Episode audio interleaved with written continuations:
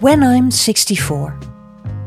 Martien Dupri en Martijn Brebaert, vrienden sinds de middelbare school, bespreken de leuke en minder leuke kanten van het leven rond je zestigste. Will you still need me? Will you still feed me? Aflevering 10. Waar woon je als je ouder wordt? Deel 2. When I'm 64. Goedenavond en welkom bij de tiende aflevering van de podcast When I'm 64. Ja, Eh, vanavond het tweede deel van eh, de aflevering over de alternatieve woonvormen. Waar woon je als je ouder wordt, deel 2. En, maar voordat we dat gaan doen met een tafelgast, dit keer niet onze tafel, maar haar tafel, gaan we het zo dadelijk allemaal over hebben. Spannend. Ehm, het is ons tweede lustrum, Martien. En, eh, tiende, na- a- tiende ja, aflevering. ja, wie had dat gedacht? En naar aanleiding daarvan gaan we nu ook niet eh, vragen: wat heb jij meegemaakt of wat heb ik meegemaakt? We, we hebben gemeenschappelijk iets meegemaakt. Wij dachten na tien afleveringen is het misschien goed om eens even kritisch terug te kijken. En dat werd, wat mij betreft, ook getriggerd door een mailtje die we kregen van een vrouwelijke luisteraar. En die zei kort samengevat. Eh, laten jullie niet veel, niet veel dingen liggen. De vrouwelijke kant van de zaak. Bij haar ging het dan met name over de hoe worden De aflevering, ja, met, met. Ja, kwalen en kwaaltjes. Ja. ja. en eh, dat heeft mij nogal bezig gehouden, Ja. moet ik zeggen. Ik denk van ja, als wij een podcast maken over de zestigers, dan, eh, ja, dan horen de vrouwen daar natuurlijk wel bij. Eh, maar ik wist niet zo goed hoe we dat zouden oplossen. En toen hebben we samen besloten, weet je wat, dan gaan we een avond daarover over praten met de betrokken eh, dames bij deze eh, podcast. Nou, Ja. Want uiteindelijk zijn wij de enige twee mannen die betrokken zijn bij de podcast. En precies. alle overigen zijn dames. Dus dat hebben wij meegemaakt. Ja. Wat, is jouw, eh, wat, wat, wat is jouw conclusie van die avond? Conclusie. Ik heb wel een conclusie, maar daarvoor komt de, de verbazing eh, van de dames. Die hebben dan toch wel zoiets van ja. Moeten jullie het nu over onze kwaaltjes gaan hebben? Dat dachten we niet. En wij vinden het ook veel leuker als jullie het gewoon over je eigen kwalen hebben. En als jullie het over je eigen onvolkomenheden hebben. Daar luisteren we met veel plezier naar. Ehm, en misschien dat voor die vrouwenkwalen er weer hele andere eh podcasts zijn. Maar gaandeweg de avond, en het was een lange avond, kwamen wij, ehm, eh, Martijn en ik, eh, tot wel een ander inzicht. Het was ons al eh, een paar keer duidelijk geworden dat ouder worden voor een vrouw anders is dan voor een man. En dat bijvoorbeeld, hè, het gesprek met, eh, met de huisarts, hebben we het gehad over eh, wat er allemaal gebeurt als je 64, 65 wordt. En die had het ook over de angst voor het pensioen. mannen die latent depressief raken in het zicht van. Allemaal dingen die wij, die ons overkomt wanneer we tegen de 65 zijn. De dames keken ons ook daarbij zeer verbaasd aan en zeiden: Ja, maar jullie worden pas vanaf je zestigste en misschien wel later pas op je leeftijd gewezen. Bij ons is dat een heel ander proces. Wij hebben eh, al de drieslag van menstruatie, eerste keer ongesteld worden, zwangerschap, moeder worden en vervolgens de overgang. Wij worden al op veel jongere leeftijd erop gewezen dat we ouder worden en jullie schieten maar in een depressie ergens op je 64ste. Dat is mijn conclusie. Dat er een enorm, een veel groter verschil nog is dan ik had gedacht. Tussen mannen en vrouwen als het gaat over het onderwerp ouder worden. En wij daar ook wel een beetje lachwekkend zijn in de ogen van de dame. Er zullen ongetwijfeld nog een aantal vrouwen-items zijn die eh, noden besproken moeten worden, maar niet door ons en niet in deze eh, Nee. eh, podcast. Wat, wat niet betekent dat we vrouwenvriendelijk hoeven te gaan worden. Maar Nee, ik bedoel, al, al, al onze, eh, alle medewerkers in de podcast zijn, veel- jij zei het al, wij zijn Ja. de enige twee mannen. Hebben we genoeg hulp van Ja. de vrouwen om ons heen.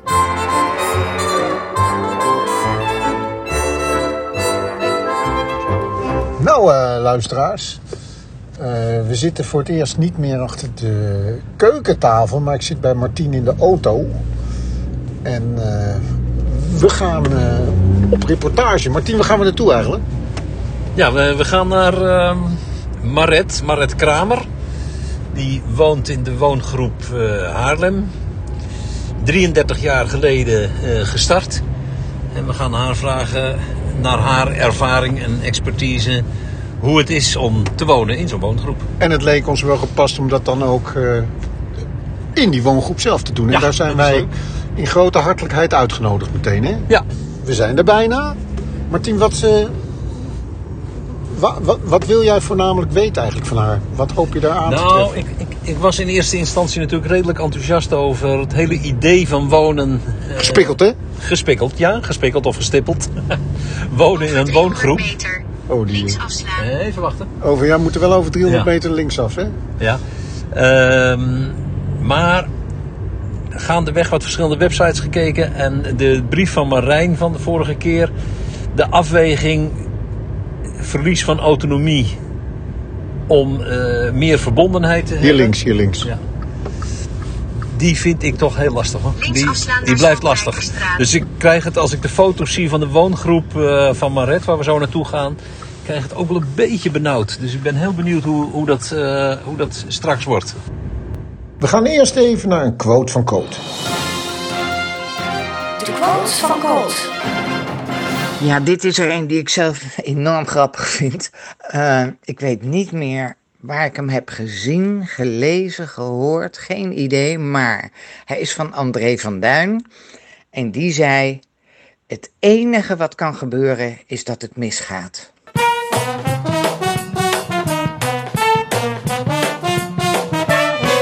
Nou, we zijn er, Martien. Vlakbij, hè? Parkeren voor de deur. Dat hebben ze goed voor elkaar, sowieso al. Ik ben nu al om. Pizza bezorgertje. Dit is het gebouw, we staan er nu voor. Oké, nou. 36. Belstuk? Nee, deze niet.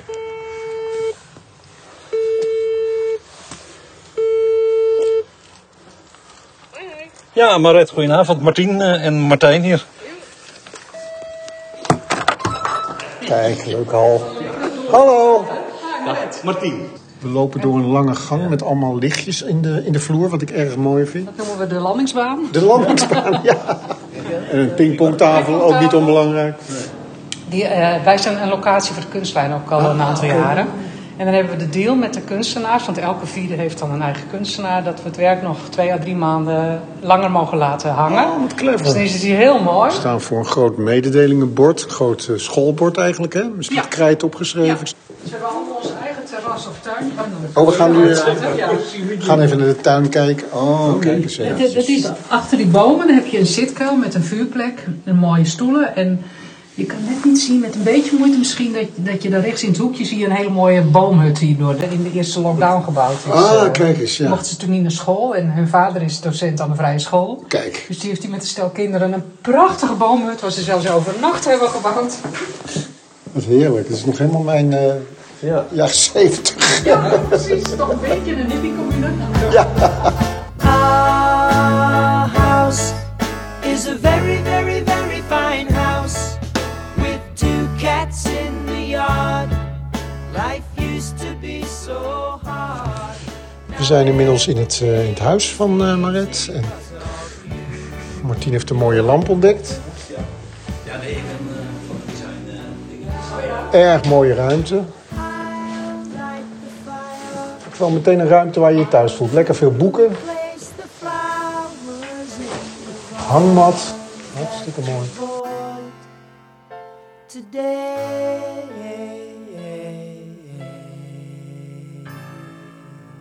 En ja, inmiddels zijn we eh, toch weer aan een keukentafel terechtgekomen. Nu de keukentafel, de eettafel van Maret Kramer.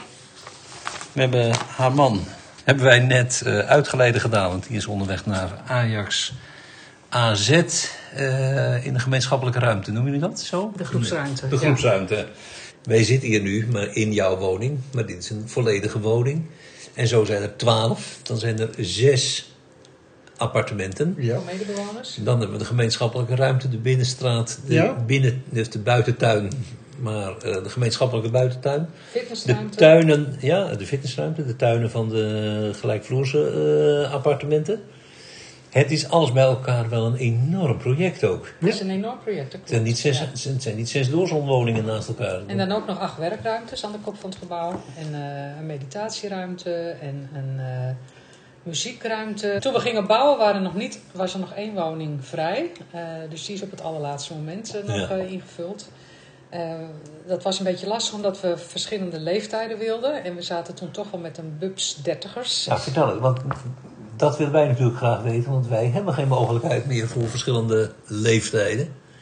Wij Nou komen ja. automatisch eh, terecht in iets wat. Ja, woongroepen voor ouderen.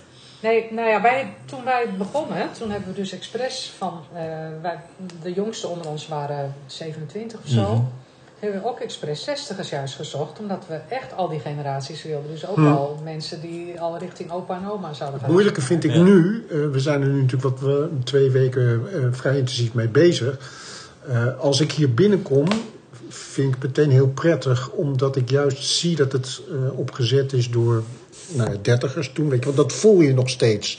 Terwijl helemaal van die wel- woongroepen die we bekeken hebben, dat is zo duidelijk, staat er 55 plus. Maar als je die foto's ziet, dan denk je, ja, het is allemaal 70 Ja, plus. daar, ja. Daar hebben we het niet over een fietsenstalling, maar een gigantische rollatorparkeerplaats.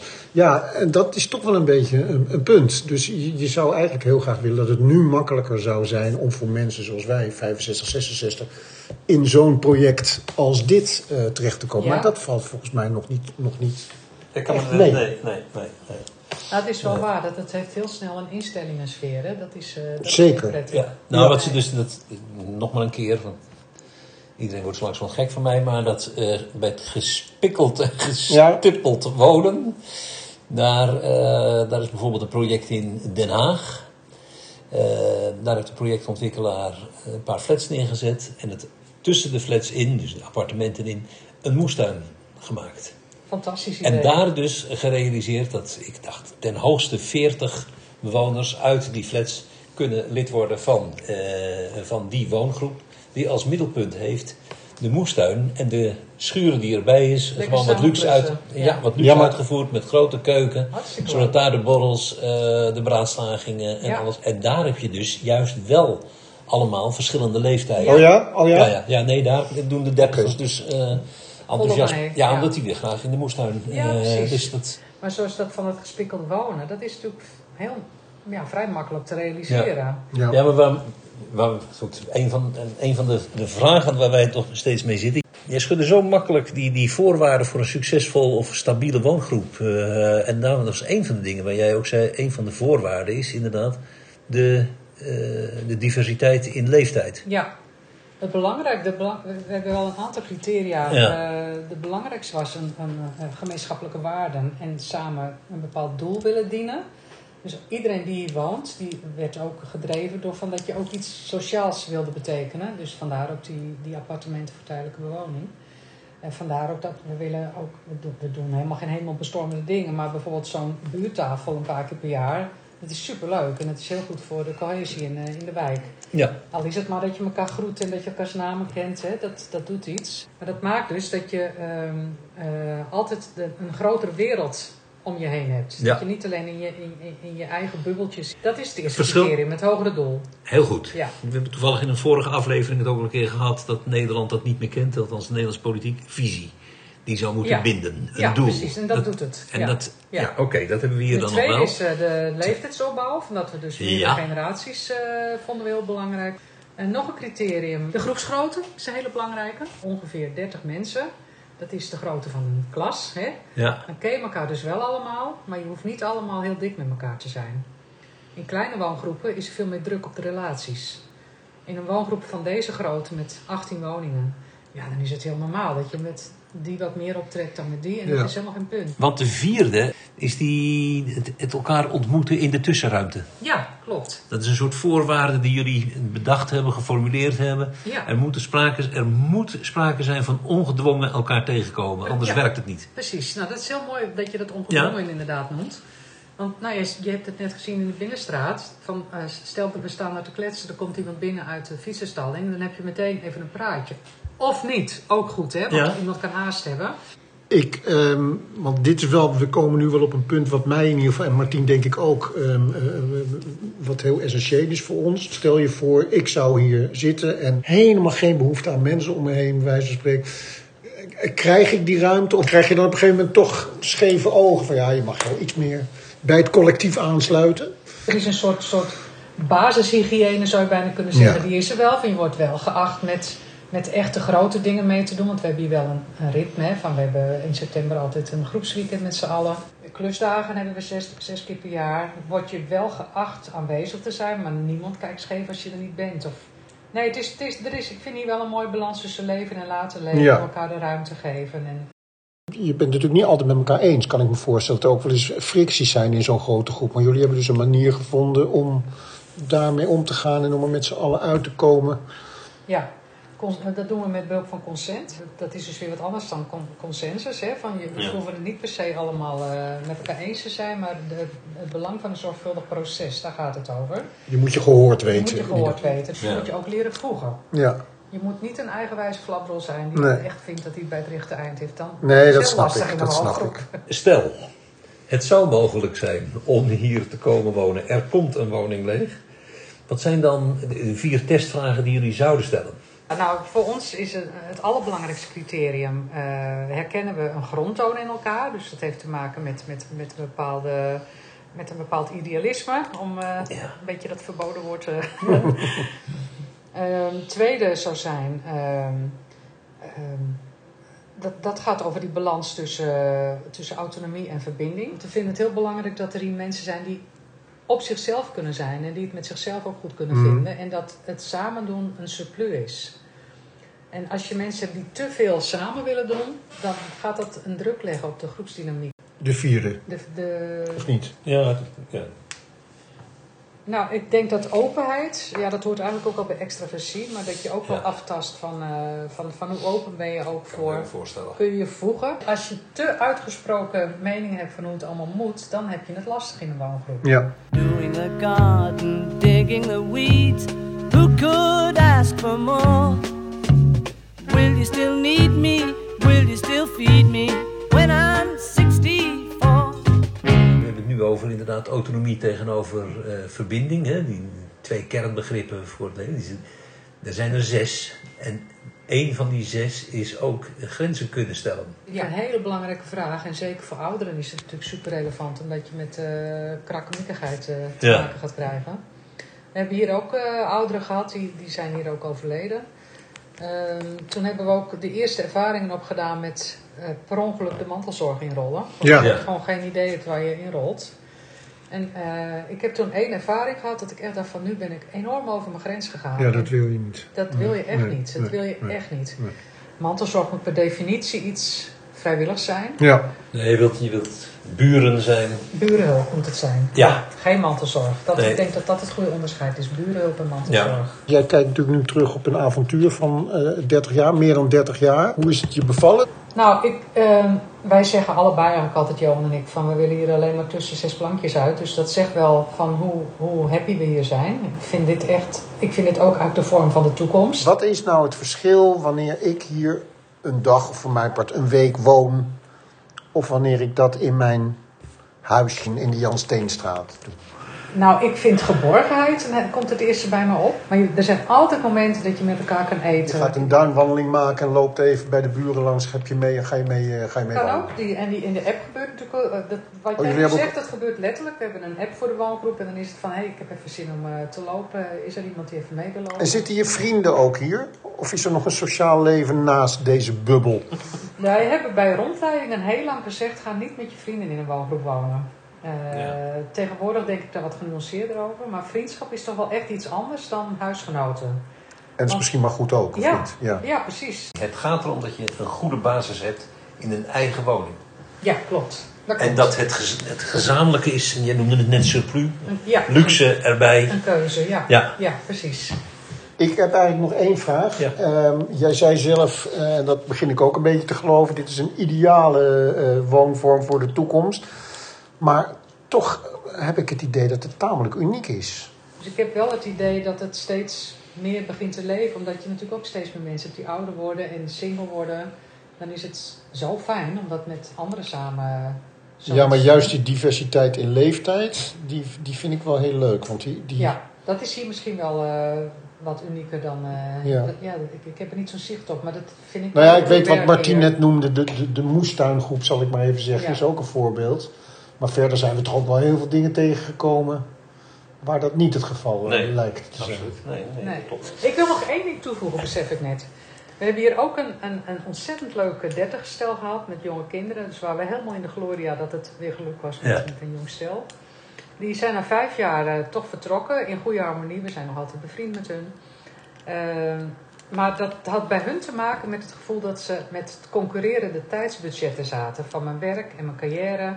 En dan ook nog de woongroep. Ja, ja, ja. Nou, dat, eh, dat bedacht ik al Ja, bij het, bij het introductiegesprek toen wij hier liepen. Dat, mijn god, ja want het kost ook wel tijd. Je ik zou daar vroeger nooit de tijd voor gehad Nee, hebben. Nee, En ook niet de tijd voor hebben willen vrijmaken. Precies, dat is een hele goede Ja. illusie. Nee, en- Want het is wel een keuze. En Johan zegt dan altijd van... Wij werken niet met tijdsbudgetten, wij wonen op een boerderij. Zeer bedankt voor de gastvrijheid. Ja, Bedankt dat je ons een stap verder hebt geholpen. ja nee. Dan nu de boekentip van Francisca Kramer. Het boek wat ik dit keer wil bespreken heet Verbonden van Amir Levine en Rachel Heller. En het gaat over het onderwerp waarop ik zelf ben afgestudeerd: hechting in volwassen partnerrelaties. Een heel mooi onderwerp, want wat is onze allergrootste behoefte? Juist, verbinding. En dat raakt natuurlijk ook wel aan het onderwerp wonen als je ouder wordt, want we willen immers liever niet alleen overblijven. De meeste mensen willen graag samen oud worden met hun partner, maar dan wel een beetje gezellig. En misschien vraag je wel eens af hoe het komt dat je altijd in hetzelfde patroon verzandt met je partner. Of waarom je altijd dezelfde foute keuze lijkt te maken op partnergebied. Een veel voorkomend patroon is bijvoorbeeld dat van achtervolger en terugtrekker. Iedereen kent dat wel. De ene partner zet de jacht in op intimiteit en de ander slaat op de vlucht. En hoe harder de eerste partner gaat trekken, hoe meer die tweede zich afsluit. En hoe meer die tweede partner zich afsluit, hoe harder partner A weer gaat trekken, et cetera, et cetera. Nou, in dit boek wordt dus uitgelegd hoe dat komt. En als je nog niet weet wat je eigen hechtingsstijl is, dan kun je een testje doen. En je kan zelfs ook ehm, eh, invullen om te kijken welke hechtingsstijl je partner heeft. En de meeste mensen zijn gelukkig veilig gehecht, ongeveer 65 procent. En van de groep onveilig gehechte mensen heb je twee smaken: angstig gehecht of vermijdend gehecht. In de volksmond ook wel aangeduid als mensen die ofwel verlatingsangst of bindingsangst hebben. En eh, het grote verschil tussen die twee is dat bij die angstige hechten gaat dat hechtingssysteem aan in tijden van relationele stress. Wat zeg ik? Het gaat in overdrive. Terwijl dat hechtingssysteem bij die vermijdende gehechten juist offline gaat. Nou, ga er maar aan staan. Ik vind het nog steeds hele boeiende materie. En ehm, ik heb al veel cliënten dit boek aangeraden. En er zijn echt cliënten bij die zeggen van dit boek heeft mijn leven echt veranderd. Dus ik wil dit graag eh, van harte aanbevelen als je iets meer wilt weten over hechting in volwassen partnerrelaties. Het leest makkelijk weg, maar het is zeker geen uh, niemendalletje. Dus uh, mocht je het interessant vinden, heel veel leesplezier.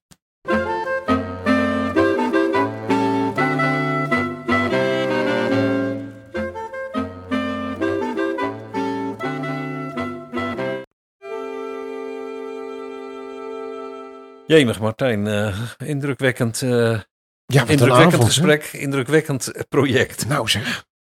Jij, gebruikte net in de auto terug het woord uh, groots. Nou, dat is het wel. Het is in alles. In alles. Het is een enorm project. Het is een groot gebouw. Het is groots een idee. En groots in uitvoering. We hebben nog even hè, de rondleiding aan het eind ook nog weer even gehad. Het is een levenswerk. Logeerkamers uh, voor gasten. Uh, de appartementen boven voor de mensen die meekomen wonen. Het is een onwaarschijnlijk groot project. Een prachtige gezamenlijke ruimte, kan niet anders zeggen. Het, het staat letterlijk en figuurlijk als een huis. En tegelijkertijd raken wij er een beetje van, daardoor eigenlijk ook misschien wel, weg van het idee, zou het iets voor ons zijn? Ja, los van het feit dat wij er sowieso niet meer tussen zouden nee. uh, passen.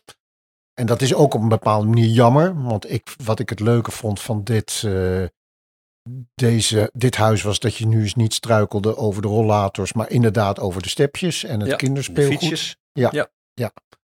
Maar ik kreeg ook, en jij volgens mij ook, ook iets van, het is uh, misschien toch iets te veel gemeenschap. Met regels en, en overleg. Ja. Ja. Misschien vooral zijn wij nog niet zo ver dat we ons daar op, op die noodzakelijke manier in zouden willen voegen. Nee, dat zei ik al. Het, het, het woord voegen komt me net ook iets te veel eh, eh, voor. En ze hebben daar ontzettend goede systemen in. En, en ik heb alleen maar bewondering voor wat ze doen. Over alles in deze woongroep is nagedacht. Ja, ook, ook niet meteen natuurlijk. Hè. Ze zijn er al 30 jaar Ja. mee bezig. Ja. Het zit zo verdomd goed in Ja, elkaar. het zit heel goed in elkaar. En tegelijkertijd is dat dus, ja, eh, er is een interieurcommissie, er is een activiteitencommissie, er is een kunstcommissie, Ja. er is een geen idee-commissie. Er, Ja. Dat, Dat Daar moet je op een in bepaalde groeien. manier Ook daar moet je ingroeien ja. of je moet dat heel graag Nee, dat willen. is denk ik het punt. Je moet erin groeien. Ja. En om En- daar het idee dat ik daar volgende week zou wonen, zou ik ook wel een beetje benauwd van krijgen, moet ik zeggen. En dan eh, moeten we het dan straks maar even over hebben. Dan denk je bij jezelf, is het nou niet mogelijk om de krenten uit de pap eh, te pikken en niet over te gaan naar een gezamenlijk wonen, maar vanuit de huidige woonsituatie eh, meer verbinding tot stand te brengen met de buurt. Nou ja, precies. Ik voel een soort conclusiemoment aankomen. Ja. Dat moet nu ook wel, denk Een ik. leermoment. Ja, wat zou nou de conclusie? We hebben ons twee eh, weken met dit thema bezig gehouden, of twee afleveringen met dit thema bezig gehouden. Wat zouden nou de, de conclusies zijn? Ja, ik denk dat, eh, ik denk dat de conclusie is dat de, de woongroep waar wij deel uit van zouden kunnen maken, misschien zouden willen maken, dat dat niet meer gaat, omdat we eh, daar eigenlijk te oud voor zijn om daar nog in te stappen. En dat de woongroepen waar we nog wel in zouden kunnen stappen, te veel woongroepen voor ouderen zijn, waar wij eigenlijk geen interesse in hebben, angst voor hebben, eh, dan echt te veel van onszelf zouden moeten opgeven. Wat ertoe leidt dat we iets, dat, nou ja, dat we tegen elkaar eh, zeggen, dat ik zeg. Het is een gepasseerd station. Dat gaat, dat gaat niet meer lukken. Dus we moeten op een andere manier misschien toch wat eh, verbinding zoeken. En daar had jij het net over. En je zei ja, nou, Ja, Martien, dat is mijn conclusie ook. De woongroepen die ik voorbij heb zien komen, daar, ik zie mezelf daar nog niet als bewoner functioneren. Maar ik ben wel geraakt het is, door. een, het is een stap te ver. het is een stap te ver, maar ik ben wel geraakt door de, door de ideologie. En ik ben maar steeds aan het denken van hoe zou ik die ideologie dan ehm, eh, kunnen, in mijn voordeel kunnen gebruiken zonder dat ik echt toetreed tot een woongroep. Snap je? En dat zou voor mijn idee kunnen beginnen met, eh, nou ja, misschien moet ik wat meer zorgen ehm, voor eh, het, het, het ouderwetse buurtgevoel. Ik noem een voorbeeld. Op het moment dat ik mijn volgende verjaardag vier, zou ik best de straat uit kunnen. Heb ik, nou, heb ik nog nooit over nagedacht. Maar gewoon mensen uit de straat uit kunnen, Ja. uit kunnen nodigen. Ja, ik denk dat dat, ik denk, ik denk dat dat heel goed kan. Ik denk dat het heel goed mogelijk is om te zeggen, ik heb daar eens over nagedacht. En het is toch eigenlijk, ik, heb dat gewoon niet goed gedaan. Nee, ik woon nu al een tijdje, precies. maar we kennen elkaar veel te weinig. En Ja. eh, ik zou het leuk vinden eh, om elkaar wel te leren kennen. Ja. Ik nodig jullie uit eh, voor mijn verjaardag. Ja, ik zou niet weten. Hoewel ik dan ook bang Jouw ben. verjaardag op 4 januari misschien niet zo handig is, maar Nee, bij wijze kan van ook iets anders ja, bedenken. Ja, Terwijl ik natuurlijk ook bang ben dat de buren dan denken: oh god, gaat niet goed met de buurman. Want eh, hij gaat plotseling allerlei noodsignalen eh, uitzenden. Ja, nou ja, Maar dan moet je misschien scheid aan hebben, Ja, ik wou het zeggen, en helemaal ongelijk hebben ze niet. In, in de zin van, de buurman heeft inderdaad bedacht dat het misschien beter is om eens wat meer contact te Ja, gaan maken met dat is ook elkaar. Dat is ook waar. En eh, daar is op zich niks op tegen. Nee, nee, dat is ook waar. Ja. Maar delen we de conclusie dat naarmate we ouder worden, dat we meer behoefte hebben aan het, gemeen, aan het gemeenschapsgevoel of niet? Of, of, of herken jij dat niet? Ja, ik denk het wel. Ik denk dat, dat, dat eh, het is natuurlijk niet alleen maar een kwestie ook van halen. Van de schoonzoon, Rickert, overleed eh, tweeënhalf jaar geleden zijn oma. En oma woonde in, eh, in Groningen, stad Groningen. Oma was, dacht ik, 99. En op haar uitvaart waren, ik schat zo'n 250, 300 mensen Mhm. nog nooit meegemaakt bij een eh, uitvaart. Dat de uitvaartondernemer twee keer naar de gasten is gekomen om te vragen of het iets rustiger kon, omdat de familie aan de andere kant van het gebouw elkaar niet meer kon verstaan. Mhm. Oma had zich eh, helemaal tot een soort eh, ja, middelpunt van de wijk, had zich ontwikkeld tot een middelpunt van de wijk. En alle buren gingen ook steeds bij haar kijken, deden boodschappen voor haar. En zij eh, had daar ook iets voor gegeven. Zij maakte deel uit van, Maar hoe had oma dat dan gedaan? Ja, niet iets voor, voor ons, maar oma, ja, voor zover ik het begreep had, oma die had een leunstoel voor het raam gehezen bij een erker gezet, laten zetten. Was erin gezet en wist alles van de wijk, leefde mee met de Ah, wijk. oké. Ja, ja, ja. Kinderen kwamen bij haar wat brengen en eh, iedereen wist wie zij was en waar ze voor stond. Heel erg knap. Dus gewoon werken aan je, ja, je sociale omgeving. Maar ik, ik hoor nog niks van. eh, ik hoor alleen maar dat ze een leunstoel heeft neergezet. dat ze naar buiten keek. Nee, nee, dat past op de kinderen. Oh, Eh, oké, oké, oké. Oh, dat klinkt dan allemaal dit. vriendelijker. Ja, ja, ja. Will you still need me? Will you still feed me? Dressing to pay me? Old silver and gray me? When you false tooth me? Gin and vermouth me? When I get to be 64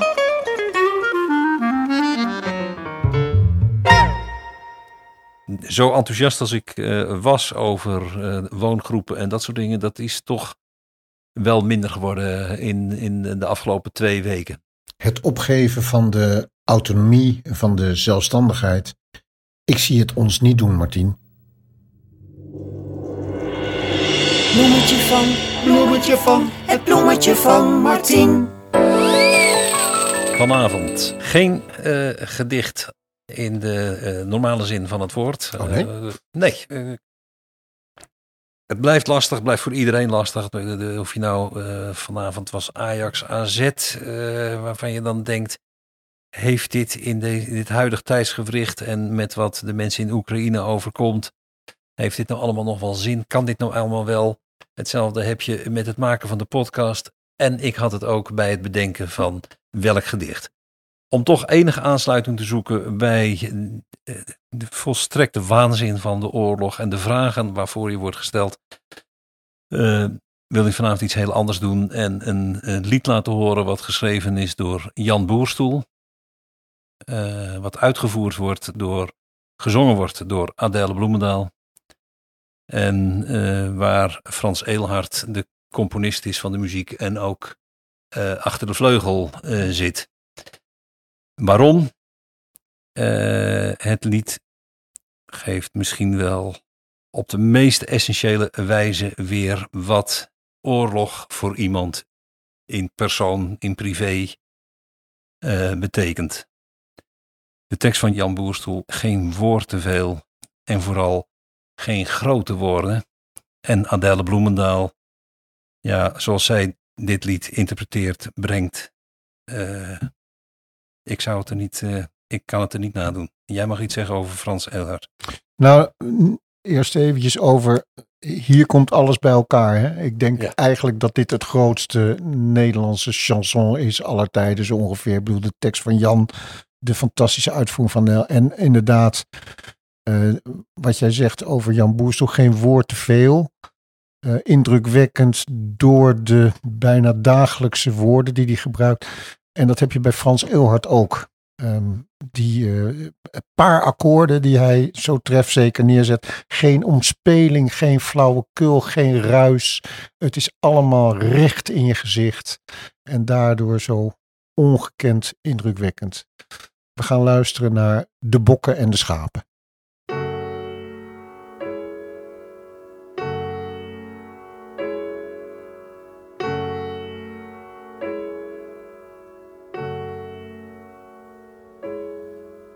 Het is allang weer afgelopen met de Praagse lente. En God bewaar me voor Chileense tegenargumenten. De knoet kan rood of zwart zijn, maar de knoet wil altijd slaan. De dictatuur maakt links en rechts dezelfde korte metten. Met ieder die zich tegen zijn dictaten durft verzetten. Stel nou eens dat er hierin komt, hoe zal het hier dan gaan? Stel nou eens dat er hierin komt, hoe zal het hier dan gaan? Wie waagt zich dan aan een protest? En wie blijft zich vergapen? De goeden en de kwaden, de bokken en de schapen.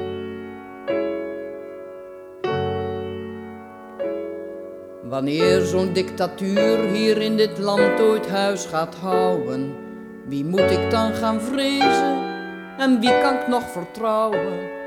En zegt het dan nog wat, zoals ik nu de mensen ken? De protesteerders zullen die dan ook hun stem verheffen. De verontrusten zullen die dan ook het kwaad beseffen. Wat weet ik van degenen door wie ik omgeven ben? Wat weet ik van degene door wie ik omgeven ben?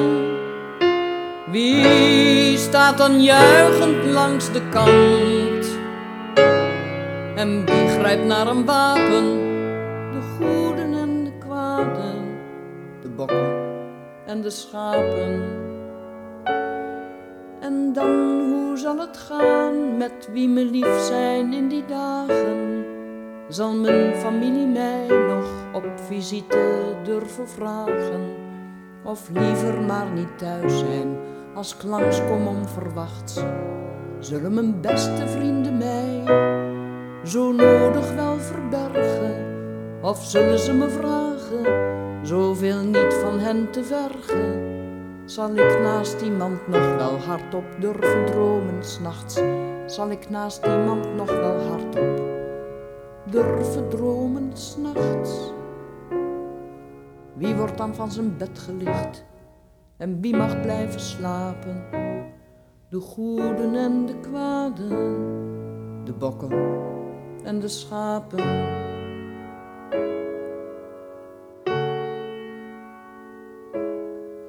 Wat weet ik trouwens van mezelf?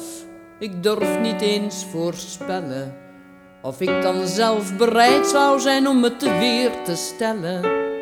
Als daar gevangenisstraf op staat, vernedering en pijn, zal ik dan kunnen zwijgen? Als ik iets niet prijs wil geven, zal ik dan kunnen sterven? Als ik graag wil blijven leven, zal ik dan moed voldoende hebben om niet laf te zijn? Zal ik dan moed voldoende hebben om niet laf te zijn?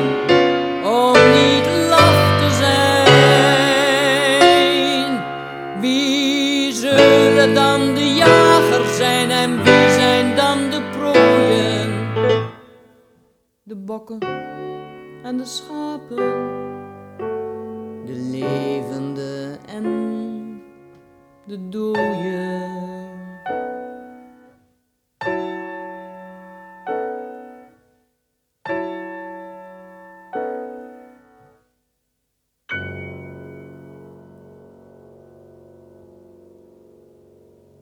Vind je dit een leuke podcast? Dan hoef je geen uitzending meer te missen als je je abonneert of ons gaat volgen via de bekende podcast-apps zoals Spotify en Apple Podcasts. Leuke foto's en filmpjes kun je vinden op onze Instagram-pagina When I'm 64 pod. Reageren kan via de mail when I'm 64 podcast at gmail.com.